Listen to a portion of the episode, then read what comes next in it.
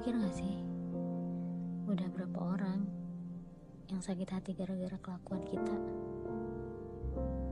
Udah berapa orang yang bahagia gara-gara kelakuan kita? Terus, udah berapa orang pula yang sakit hati gara-gara ucapan kita?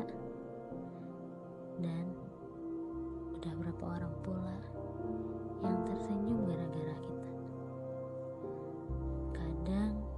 kita nggak pernah nyadar itu semua. Kadang juga kita selalu asal ucap. Kita nggak tahu orang itu lagi baik atau enggak. Kita nggak tahu orang itu lagi bahagia atau lagi sedih. Tapi kita coba yuk. Iya, coba untuk mendoakan yang baik. Coba untuk berperilaku yang baik. Karena itu nggak akan ngerugiin kita kok. Yang ngerugiin kita itu.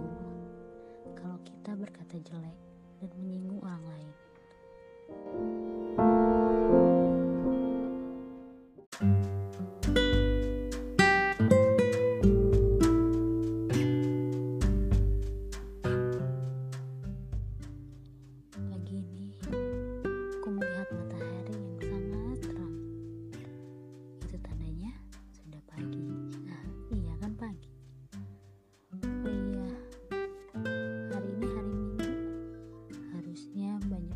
beraktivitas di luar sana.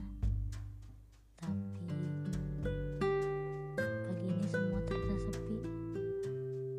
Iya, karena ada wabah. Ada wabah yang mematikan. Aku nggak tahu sampai kapan. Wabah ini merugikan banyak orang.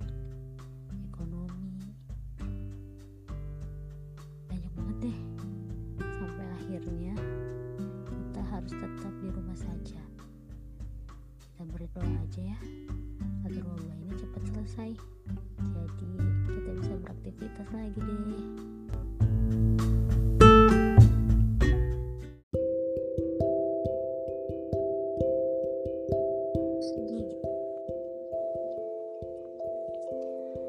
Ketika jarak menjadi masalah, ada ruang untuk rindu.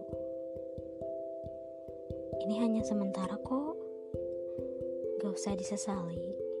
Nanti ada saatnya untuk bertemu. Gak usah ditangisi. Nanti ada saatnya tangisanmu menjadi tawa. Coba sekarang sebut aku di dalam doamu. Aku pun akan menyebutmu di dalam doaku.